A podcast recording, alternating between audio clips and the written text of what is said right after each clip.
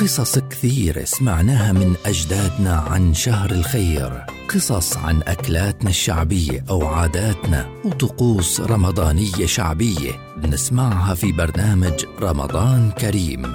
رمضان كريم برنامج رمضاني يصحبنا فيه الحكوات حمز العقرباوي خلال شهر رمضان في مثل هذا الموعد عبر أجيال.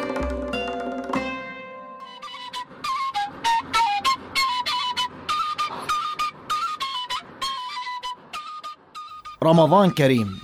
يا قوام ويا صوام صلوا على النبي العدنان. بدي أقولكم إنه في نظام للطبخ في رمضان والموضوع مش صف صحون وامشي. اسمعني يا معدلات واسمعوا يا معدلين. يا سلام وحلو الكلام. قلنا أول يوم برمضان يا أبيض يا أخضر.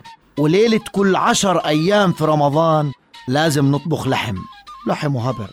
عشان بقولوا في الاعتقاد الشعبي في ملك اسمه عساس القدور. مهمته يتفحص شو طابخين بالقدور كل راس عشر أيام. وهالملك بدعو بكول دايمة. فلازم يكون أكل دسم. بلاش يبكى عدس ويدوم ويلزق فينا لآخر السنة.